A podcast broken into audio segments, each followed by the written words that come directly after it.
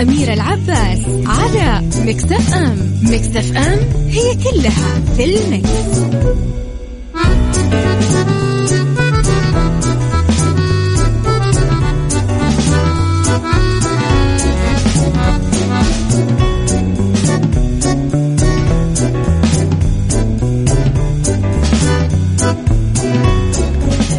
يا صباح الخير والورد والجمال والسعادة والرضا والمحبة والتوفيق والفلاح وكل شيء حلو. يشبهكم ويشبه قلوبكم الحلوة وجمال أرواحكم. تحياتي لكم في بداية أسبوع جديدة وصباح جديد ومواضيع جديدة وحلقة جديدة. قبل ما نبدأ حلقتنا نقول دايما أنه رب الخير لا يأتي إلا بالخير وأمر المؤمن دوما كله خير. آه طبعا ثلاث ساعات. جديدة ساعتنا الأولى أخبار طريفة وغريبة من حول العالم. جديد الفن والفنانين. وآخر القرارات اللي صدرت ساعتنا الثانية قضية رأي عام وضيوف مختصين. وساعتنا الثالثة صحة وجمال وديكور ومطبخ. خليكم دايما على السماع. ارسلوا لي رسائلكم الحلوة على صفر خمسة أربعة ثمانية, واحد. سبعة صفر صفر وعلى at ميكس إف إم راديو تويتر سناب شات إنستغرام فيسبوك جديدنا كواليسنا تغطية الإذاعة والمذيعين وأخبارنا. تقدرون تسمعونا على تردداتنا دائما بكل مناطق المملكة وعلى رابط البث المباشر وعلى تطبيق ميكس إف إم. عيشها صح مع أميرة العباس على ميكس إف إم. ميكس إف إم هي كلها في ال mix.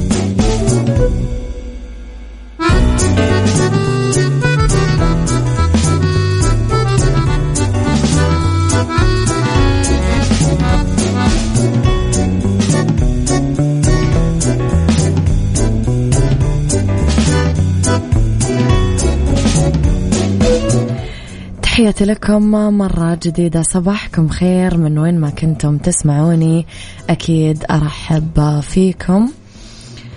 وراح أبدأ أقرأ بعد شوي رسائلكم الحلوة. اللي حاب يرسل لي رسالة حلوة يرسل لي إياها على واتساب صفر خمسة أربعة ثمانية, ثمانية واحد, واحد سبعة صفر صفر.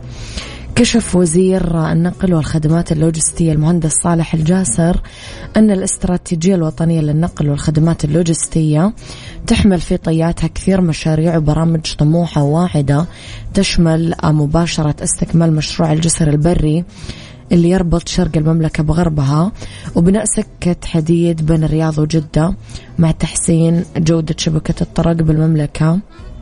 إضافة لإنشاء ناقل وطني جديد أوضح أنه الاستراتيجية تتضمن إنشاء منصات ومناطق لوجستية عالمية ومحاور دولية للطيران وكمان تطوير البنى التحتية للموانئ وتوسيع طاقتها الاستيعابية ورفع كفاءتها التشغيلية عبر تمكين واستثمار القدرات لدعم التنمية أكيد المستدامة.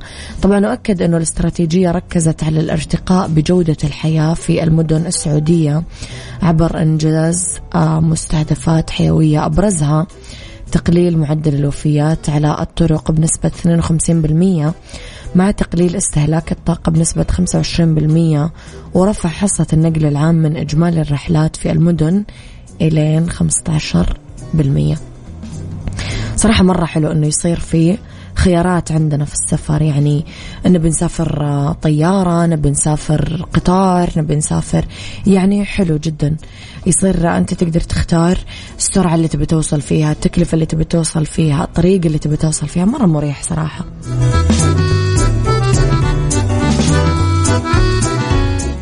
عيشها صح مع أميرة العباس على مكتف أم. مكتف أم هي كلها في المكس.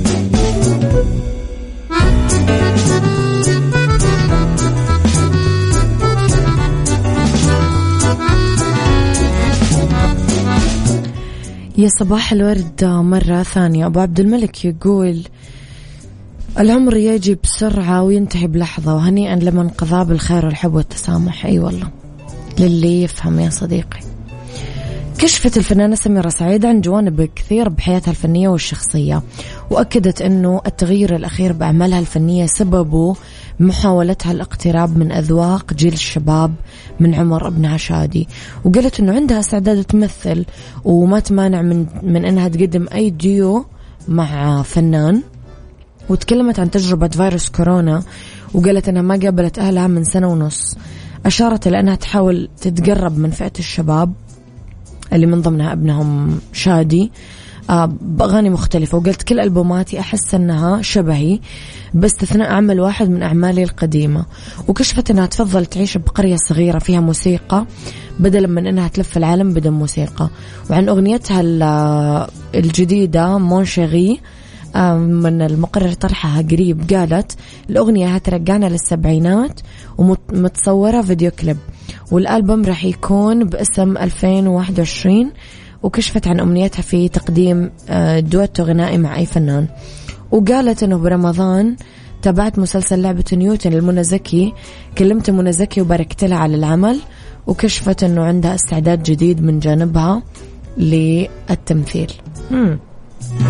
تتخيلون الديفا سميرة سعيد تمثل؟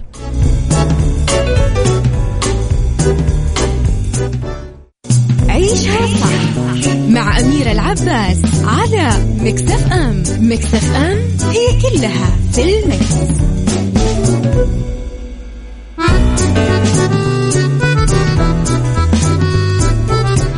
يا صباح الفل على ما يبدو أنه اليابان الجزر اللي وصلت لمرحلة جدا متقدمة من التطور ما هي راضية توقف مسيرتها عند البشر بس انتقلت لتعليم الحيوانات بعض من تقاليدهم. انتشر على مواقع التواصل آه الاجتماعي تحديدا تويتر خلال الساعات الماضية مقطع فيديو أظهر سيدة يابانية قاعدة تأكل غزال. بس مو هنا الغرابة لا الموضوع ما وقف لين هنا. أظهر الفيديو ردة فعل الغزال هذا بعد ما أكلته الحرمة. الغزال رد على البنت ممتن وشاكر أنه أطرق رأسه مرتين على الأرض وبعدين نظر للبنت مرة ثانية. تداول رواد التواصل أقاويل آه تقول أنه اليابان علمت الغزلان أنه تحيي الأشخاص اللي يقدموا لهم الأكل بكل أدب ولطف مثل ما يفعل اليابانيين في حياتهم اليومية. طب يعني في أحلى. يعني الأخلاقيات ما وقفت بس عند البشر لا كمان راحت للحيوان.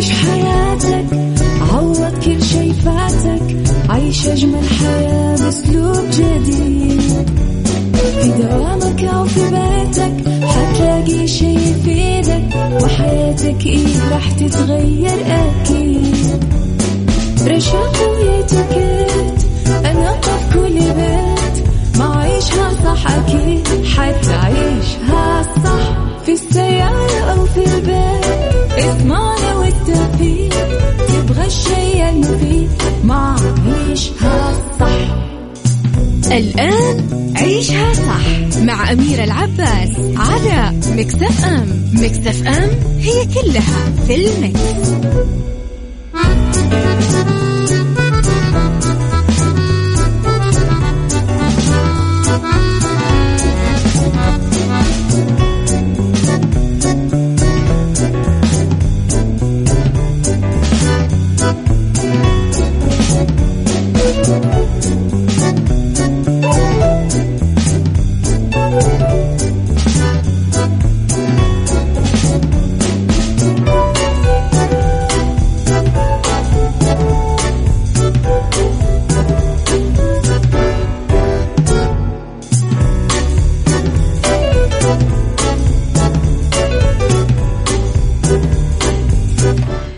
يا صباح الخير والورد والرضا والجمال والسعادة والمحبة والتوفيق وكل شيء حلو يشبهكم تحياتي لكم وين ما كنتم صباحكم خير من وين ما كنتم.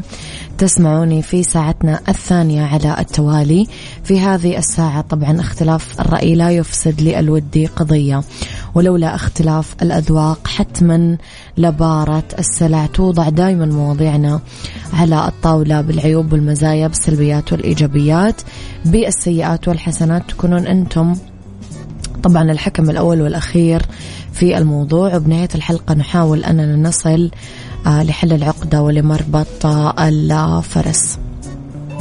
طبعا آه، رح نتكلم اليوم أنا وياكم عن آه، فوبيا المرتفعات. واحدة من المشكلات النفسية المزعجة اللي تواجه كثير أشخاص وهي ببساطة أنك تخاف من أي حاجة مرتفعة. يصير لك قلق ذعر خوف تخيلات هذيان إلى آخره. يمكن هي أكثر أنواع الرهاب شيوعا. سؤالي لكم هل عندكم أي فوبيا من المرتفعات؟ أو عندكم فوبيا من أي حاجة ثانية تغلبتم عليها ولا لسه؟ إذا لسه ليش لسه؟ وإذا أيوة كيف تغلبتم عليها؟ قولوا لي رأيكم على صفر خمسة أربعة ثمانية, واحد سبعة صفر صفر.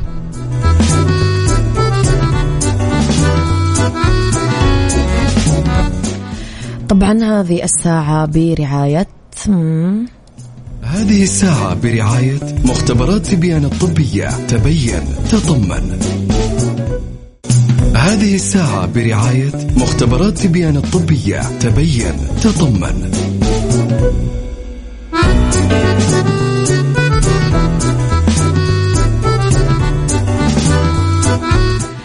عودة لموضوع حلقتنا. صباح الخير والسعادة. رسالة غيث يقول إيه عندي فوبيا من المرتفعات. مثلا لما أمشي على جسر المشاة وأناظر للطريق أحس شيء يمسك قلبي. للآن باقي ما تغلبت عليه. فوبيا الأماكن الجديدة مثلا ولكن خفت عن أول كثير. أيضا من دكتور الأسنان.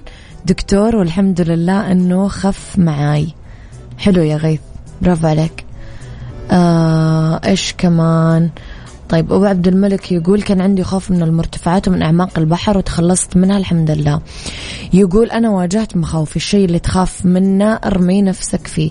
بالنسبة للمرتفعات أصبحت من 2010 من مرتادي الملاهي والألعاب المائية. آه في يعني عدة بلدان هو كاتب أسمائها آه وبالنسبة لأعماق البحر بدأت أتعلم الغوص في 2002 وتدرجت في دورات الغوص آه إلى أن وصلت لغواص منقذ.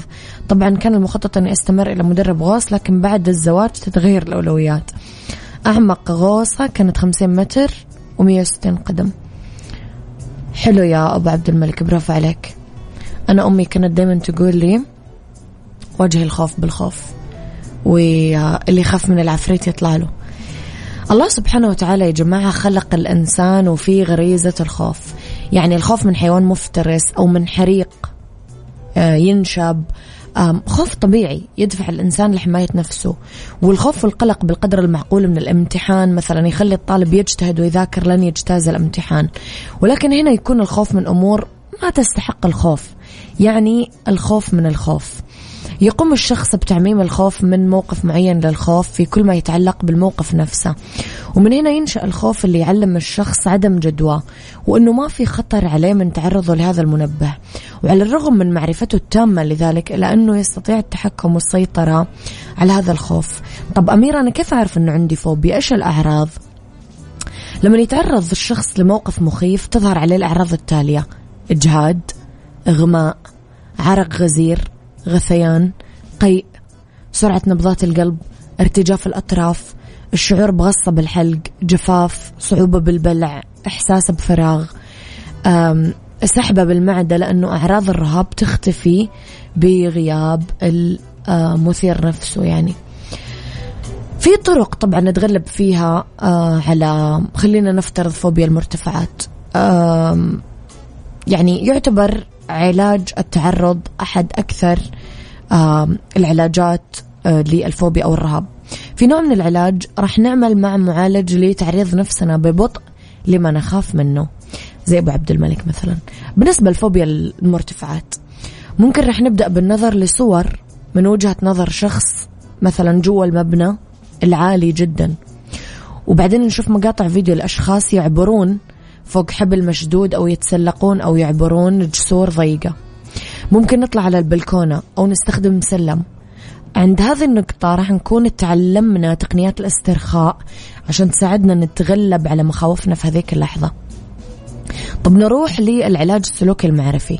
ممكن يساعدنا العلاج السلوكي المعرفي إذا ما كنا لسه مستعدين لتجربة العلاج بالتعرض. وبالعلاج المعرفي السلوكي راح نعمل مع معالج لتحدي الأفكار السلبية حول المرتفعات وإعادة تأطيرها أو بروزتها. قد لا يزال هذا النهج يتضمن القليل من التعرض للارتفاعات ولكن هذا يتم بشكل عام فقط في إطار الإعداد الآمن لجلسة العلاج.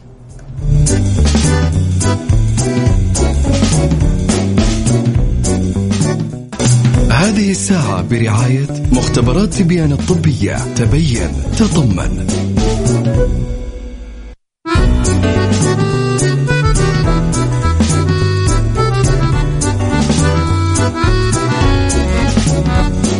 تعال وعيش حياتك عوض كل شي فاتك.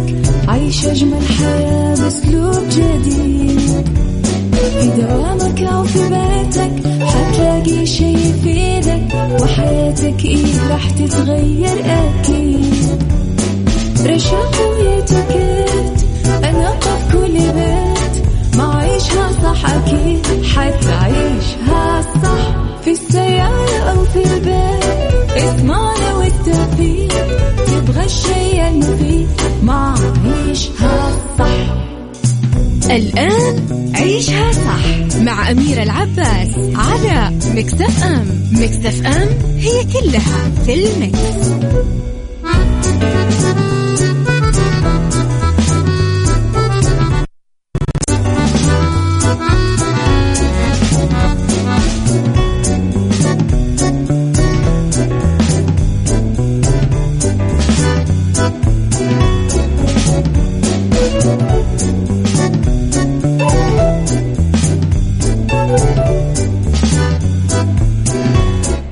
مساء الخير والجمال والسعادة والرضا والمحبة والتوفيق والفلاح وكل شيء حلو يشبعكم تحياتي لكم وين ما كنتم ويسعد لي مساكم من وين ما كنتم تسمعوني. طبعا منورينا مختبرات تبيانة الطبية واليوم ضيفتنا في الاستوديو دكتورة رانيا علي استشاري الباثولوجيا الإكلينيكية والكيميائية. أيضا المدير الطبي لمختبرات تبيانة الطبية. راح نتكلم اليوم عن موضوع العصر وكورونا فيروس كوفيد 19 وأغلبنا كيف صار يهتم بمناعته وكيف يقدر يقويها لأنها مهمة لمقاومة الفيروس آه، طبعا خليني أستضيف دكتورة رانيا يسعد مساك دكتورة. مساء الخير. نرحب فيك أكيد في استديوهاتنا دكتورة تخصص حضرتك استشاري باتولوجيا إكلينيكية لو ممكن نشرح للناس إيش باتولوجيا ما نسمع الكلمة كثير يمكن. طيب بصورة مبسطة كده سريعة هو مختبرات. تخصص المختبرات الطبية استشاري مختبرات طبية. بيرفكت طيب دكتورة المناعة صارت كلمة نقولها كثير تحديدا في عصر كورونا يمكن. إيش هي المناعة؟ وإيش هي قدرتها على مقاومتها للأمراض؟ طيب آه ندي فكرة كده للسادة المستمعين بصورة بسيطة. آه المناعة هي قدرة الجسم على التصدي لمسببات الأمراض نعم. زي البكتيريا والفيروس والفطريات الخلايا السرطانية وسمومها والقضاء عليها ومنعها من إحداث الضرر وإحداث خلل بالوظائف الحيوية لجسم الإنسان. حلو. آه جهاز المناعة ده عندنا في الجسم هو عبارة عن جيش بيدافع عن الغذاء. الغذاء اللي هي مسببات الأمراض. وسائل الجيش في الحماية عن في الدفاع عن الجسم آه بتبقى من خلال الجلد القرنية بتاعت العين آه المخاط اللي موجود في الأنف. والفم والرئتين والخلايا والأنسجة والأمعاء. الإفرازات والسوائل اللي موجودة بتخرج من الجسم بتساعد في دفع الجراثيم للخارج. الإنزيمات اللي موجودة جوه الإفرازات والسوائل دي بتقوم بقتل الجراثيم زي مثلا السوائل زي العرق والدموع والمخاط. دي بصورة بسيطة جهاز المناعة عندنا في جسم الإنسان. لما الواحد يكون عنده جهاز عظيم زي جهاز المناعة دكتورة من نعم الله علينا يمكن إحنا من مسؤولياتنا إنه نقوي هذا الجهاز مش نضعفه. أكيد. فكيف نقوي جهاز المناعة الخاص فينا عشان نتصدى آه لكل الأمراض اللي قاعدين نقابلها كل يوم يمكن؟ طيب هو موضوع تقوية جهاز المناعة موضوع كبير وشائع وبيشمل حاجات كتيرة. آه، أبسطها و- وأسهلها. آه، آه، نقدر نعزز جهاز المناعة في آه، مقاومة مسببات الأمراض عن طريق تناول الغذاء المتكامل الصحي اللي عبارة عن الخضروات والفواكه والفيتامينز والبروتين ممارسة الرياضة النوم الجيد وتجنب السمنة وتجنب العادات الضارة. آه، دي حاجات بسيطة وكلنا نقدر نعملها. عادات الضارة دكتورة مثلا زي إنه نسهر ندخن وغيرها بالظبط وغيرها. بالظبط آه ومن وسائل تقوية جهاز المناعة كمان اللقاح. اللقاح للمسببات الامراض المختلفه ده بيحفز جهاز المناعة إنه يكون أجسام مضادة ضد البكتيريا أو الفيروس اللي أنا باخده باللقاح ده بصورة مضاعفة وبيساعدني إن أنا أقاوم مسببات المرض ده. بالإضافة إن أنا جسمي محتاج لمجموعه من الفيتامينز ومن المعادن آه، وموجودة في مصادر طبيعية كتيرة في الغذاء حوالينا هتساعدني إن أنا أقوي جهاز المناعة وأقاوم الأمراض. زي إيه؟ على سبيل المثال لا الحصر يعني مجموعة الفيتامينات اللي بيحتاجها الجسم. فيتامين A فيتامين A ده من أهم ال vitamins للمحافظة على صحة الأسنان والعظام. بيساعد في تجديد الخلايا بيساعد في الحماية من الأورام السرطانية المختلفة وبيحتوي على العديد من مضادات الأكسدة. نعم. فيتامين A بصورة بسيطة كده موجود في الجزر والبطاطا والشوفان وفي زيت كبد الحوت. فيتامين B complex من الفيتامينات المركبه برضو مهمة جدا للصحة بيساعد في عملية التمثيل الغذائي في الجسم بيساعد في الحماية من التعرض للالتهابات بتاعة الجسم والجلد بصفة عامة بيساعد على نمو الشعر واعطائه البريق واللمعان بيقي من الأمراض الروماتيزمية وبيساعد على تكوين خلايا الدم الحمراء وحماية الجنين من التعرض للتشوهات أثناء الحمل. فيتامين B موجود في اللحوم والأسماك ومنتجات الألبان. نعم. آه، فيتامين C برضو من المواد المضادة للأكسدة. بيحتوي على المواد المضادة للأكسدة وبيحافظ على صحة العظام والأسنان بيحمي من الأمراض القلبية المختلفة وبيعزز مناعة الجسم طبعا والوقاية من البرد ونزلات الأنفلونزا زي ما كلنا عارفين. عندي كمان فيتامين سي طبعا موجود في الموالح البرتقال واليوسفي موجود في الفلفل الأخضر. آه فيتامين دي من الفيتامينات المهمه جدا طبعا اللي بتلعب دور مهم جدا في تكوين العظام والوقاية من هشاشه العظام والأمراض الروماتيزمية. موجود في منتجات الألبان وجميع أنواع الأسماك والبيض. وفيتامين D طبعا بنحصل عليه بالإضافة آه، للمنتجات ال- الغذاء الطبيعية التعرض للشمس ولكن نعم. في الفترات الصح اللي هي قبل الظهيرة. من الحاجات الهامة برضو المعادن اللي مهمة للجسم لتعزيز المناعة البوتاسيوم. البوتاسيوم من المعادن المميزة اللي بتساعد على حماية القلب من التعرض للامراض المختلفه بيساعد في التقليل من ارتفاع ضغط الدم والحفاظ على توازن السوائل موجود في منتجات الألبان والفواكه زي الموز وبعض أنواع اللحوم. الكالسيوم برضو من المعادن اللي بتحافظ على صحة اللثة والأسنان وليها دور مهم جدا في تكوين العظام وحمايتها من الهشاشة وبتحمي من التعرض للتجلطات وبتساعد على منع النزيف. نعم. برضو الحديد الحديد من المعادن الهامة جدا للجسم. آه، نقص الحديد طبعا كلنا عارفين بيؤدي لحدوث الأنيميا وفقر الدم. آه، الحديد بيساعد على حمل الأكسجين من خلال الخلايا الدم الحمراء لبقية الجسم وبيساعد على تقوية معدل الهيموجلوبين بالدم. الزنك برضو من المواد من الحاجات الهامة جدا لتطوير الخلايا المناعية وبيلعب دور مهم في آه، مقاومة الالتهابات. ووجدوا إن الزنك كمان بيسرع عملية الشفاء في حالات الالتهابات التنفسية الحادة. الزنك موجود في بعض اللحوم الخالية من الدهون وموجود في الحليب وبعض الخضروات زي الفاصوليا. نعم. السيلينيوم من العناصر برضو المضادة للأكسدة الهامة جدا للحفاظ على صحة الجهاز الدوري والجهاز العصبي واللي موجود في الثوم والبروكلي والتونة والمكسرات. ممتاز جدا دكتور. أنا وياك راح نطلع break ونرجع نكمل حوارنا. أكيد خليكم على السماع وتقدرون أكيد تسمعونا من آه، طبعا تردداتنا بكل مناطق المملكة أو من تطبيق ميكس إف إم على أندرويد و iOS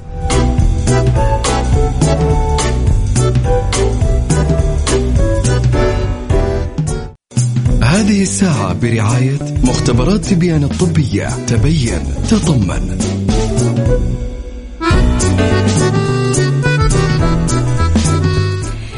تحياتي لكم مرة جديدة. أرحب مجددا بالدكتورة رانيا علي من مختبرات تبيان الطبية دكتورة قبل الفاصل وقفنا عند حضرتك. كنت تتكلمي عن إيش احتياجات الجسم اليومية من الفيتامينز والمعادن ومصادرها الطبيعية. زي ما في مصادر طبيعية في supplements وأدوية إحنا ممكن ناخذها as مكملات غذائية. أم أم هل دكتور أقدر أروح الصيدلي وأقول له أروح أي صيدلية مثلا أقول له دكتور والله أنا عندي خمول أعطيني فيتامين دال. أو أنا عندي مثلا حاسة إنه مناعتي مو مزبوطة فأبغى فيتامين C. ده صح ولا غلط؟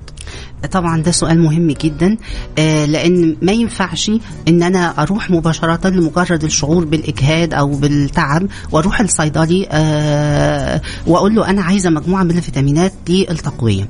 لأن زي ما الفيتامينات مهمة جدا لتقوية جهاز المناعة ولكن الاستخدام المفرط لل vitamins دي ليه أضرار كتيرة جدا على أجهزة الجسم. وبالتالي إحنا بنحب هنا هو ننبه على كل مستمعينا قبل ما أبتدي آخد أي course من ال vitamins أو المعادن لازم أروح المختبر المعامل التحاليل أشوف مستويات ال vitamins دي مستويات المعادن عندي قد إيه في جسمي أستشير الطبيب المختص بعد ما أعمل التحاليل دي. بعد ما آخد الجرعات اللي هيحددها الطبيب المختص أرجع أعيد التحليل مرة تانية عشان أشوف مستوى ال vitamins والمعادن اللي عندي في الجسم وصلت للمعدلات الطبيعيه ولا لأ عشان أمنع حدوث الأضرار اللي هتيجي نتيجة للاستخدام المفرط للمعادن وال vitamins دي. perfect دكتورة دينا علمنا أنه لا إفراط ولا تفريط. تمام. وصلتي عند نقطة الأضرار. في ناس زي ما مثلا تتضرر من إنها تنقص ال vitamins بجسمها في ناس ت over في, من في. ال vitamins. طبيعي. فإيش ممكن تكون أضرار تناول ال vitamins والمعادن بدون الرجوع لطبيب مختص بياخذ جرعات غلط بياخذ مثلا أنواع غلط بياخذ كثير من هذا النوع من الفيتامين. فايش ممكن تكون الأضرار خلينا نعرضها كده للسادة المستمعين بصورة مبسطة. نعم. مثلا فيتامين اي فيتامين اي بالرغم من أهميته طبعا في تقوية جهاز المناعة لكن مع مرور الوقت ومع الاستخدام المفرط وجرعات الزيادة لفيتامين اي بيبتدي يحصل آه ترسب لفيتامين اي وبيدوب في أنسجة الجسم الدهنية بيتراكم ويبتدي يعمل ألم في العظام وهن في العضلات يأثر على الكبد آه يعمل جفاف وتشقق وحكه في الجلد. آه فيتامين D مثلا من ال vitamins المهمة جدا وليه علاقة بالمناعة. برضو نفس الكلام لو زادت المعدلات فيتامين D أو أنا تناولتها من غير ما أكون عارفة معدلات جسم آه، فيتامين D في جسمي قد إيه وما رجعتش أعمل التحليل مرة تانية وبحب اكد على النقطة دي بعد ما خدت الجرعات بتاعة فيتامين D اللي وصفها لي الطبيب المختص لو ما رجعتش عدت مستويات فيتامين D في جسمي بيبتدي يترسب آه، فيتامين D في الأنسجة الدهنية في الجسم بيتراكم مع الوقت ويبتدي يأثر على مستويات الكالسيوم في الدم بيرسب الكالسيوم في كافة أنسجة الجسم وده ممكن يؤدي لحدوث حصاوي في الكلى. آه، بيزيل جزء من الكالسيوم في آه، من العظم وبالتالي يسبب لي هشاشة العظام. آه، بيعمل اضطرابات في ضربات القلب. آه، فيتامين D تناوله بكميات كبيرة وجد في بعض الأبحاث أنه ممكن يكون له علاقة بحالات الاكتئاب ومشاكل الأسنان. آه، فيتامين E برضو بالرغم من أهميته آه، وإن كان مضاد للأكسدة وقدرته على تقوية جهاز المناعة الإفراط في استخدام فيتامين E بيزود من فرص الإصابة بفقر الدم والأنيميا وبيزود فرص الإصابة بحالات النزيف الداخلي نعم. وزيادة أمراض القلب والجهاز الدوري وصداع مزمن آه، فيتامين C وفيتامين B complex بالرغم من الاثنين فيتامين C بالذات ياخذوه كأنهم ياخذوا حلاوة يعني كده. بالرغم من الفيتامين C ده بيدوب في المية والجسم قادر إنه يتخلص منه بسهولة جدا من غير حدوث أي ضرر ولكن برضه الاستخدام المفرط للفيتامين C بشكل آه غير طبيعي بيؤدي إلى حدوث مضاعفات خطيرة جدا آه مشاكل في الهضم في الجهاز الهضمي آه بيزود فرص تكوين الحصاوي بتاعة الكلى بيعمل إسهال مزمن واختلال في توازن مضادات الأكسدة وبيزود نسبة الحديد في مرضى الثلاسيميا ودي بتعتبر من الأعراض الخطيرة جدا. آه فيتامين B complex برضو استخدام المفرط ليه ممكن بيجي بنتيجة عكسية بيأثر على الكبد آه، بيعمل شعور بالحرقه في الجلد وانخفاض الضغط وممكن يأثر على الكبد وضرر في الأعصاب. استخدام ال folic acid اللي هو الفيتامين B 9 ممكن يأخر لي حدوث آه، ظهور الأعراض بتاعة نقص فيتامين B 12 وبالتالي يؤخر التشخيص. فأنا بدل ما باخد ال vitamins عشان اقوي حاجة معينة بيجي لي آه، بأضرار بالعكس. عكسيه بالعكس تماما بالظبط. برضو الحديد الحديد من الحاجات المهمة جدا وليه علاقة بفقر الدم. لكن زيادة معدلات الحديد داخل الجسم وتراكمها ووصولها للمستويات السامة ممكن تعمل تصبغات جلدية بتغير لون الجلد بتعمل تضخم في الكبد والطحال آه، ألم في البطن واضطراب في نبضات القلب. بعض الدراسات كمان أثبتت إن تناول الحديد بنسبة عالية في الحوامل آه، ممكن بيأثر على انخفاض وزن المولود والولادة المبكرة. الزنك بالرغم إن هو الحاجات المهمة جدا في تطوير الخلايا المناعية في الجسم لكن زيادة الزنك بنسبة آه، أعلى من المعدلات الطبيعية آه، من غير ما أعرف مستوياته في جسمي قد إيه ولا أعرف برضه مستويات الزنك وصلت لقد إيه بعد ما خدت ال supplement الخارجية ممكن يجيب لي فقر دم أو انخفاض في مستويات السكر وتغيير في مستويات كرات الدم البيضاء والحمراء. ده بصورة مبسطة كده هو وكل vitamins وكل من المعادن المهمة لو زاد استخدامها عن الوضع الطبيعي من غير ما أرجع وبحب اعيد مرة تانية. إني أحدد مستواها في دمي بقى قد إيه بعد العلاج. ممكن يسبب لي يسبب أضرار جسيمة على الجسم كله. طيب دكتورة كل متى أنا المفروض أعمل فعلا check up شامل لنفسي؟ يعني أنا مثلا هذه الشهرين الثلاث شهور الأربع شهور الست شهور كويس. بس بعد كذا أنا ماني كويس ما إيش المعدل الطبيعي دكتورة اللي نعمل فيه فعلا تحاليل شاملة ونكون طول الوقت مطمنين على نفسنا؟ بصي هو السؤال ده ملوش إجابة قطعية لكن. in general يعني أقول إن كل الإنسان الطبيعي ما بيشتكيش من أي عرض كل ست شهور م- آه، آه، يستحسن إنه يعمل complete check up على أجهزة الجسم كلها نعم. ولكن في بعض الحالات المعينة اللي بيو- آه، بينصح فيها بإن أنا أعمل ال check up دوا على فترات قريبة شوية بمعنى لو في مثلا في female عندها positive family history يعني عندها آه، مرض تاريخ وراثي مرضي، موجود. نعم. آه تاريخ مرضي في العيلة مثلا لل cancer breast لا بينصح بعد سن ال 35 إنها هتبتدي تعمل تحاليل معينة وأشعاعات معينة وهكذا. يعني أنا لكن in general كل ست شهور المفروض إن أنا أطمن طالما أنا ما بشتكيش من أي حاجة أطمن على أجهزة الجسم المختلفة ال vitamins المعادن اعمل routine check up كده. حلو هذا عشان طول الوقت أكون مرتاح وماني قلق من حاجة. التحاليل الهامة دكتورة لمعرفة قوة جهازنا المناعي إيش هي؟ طيب ده موضوع مهم جدا وكبير.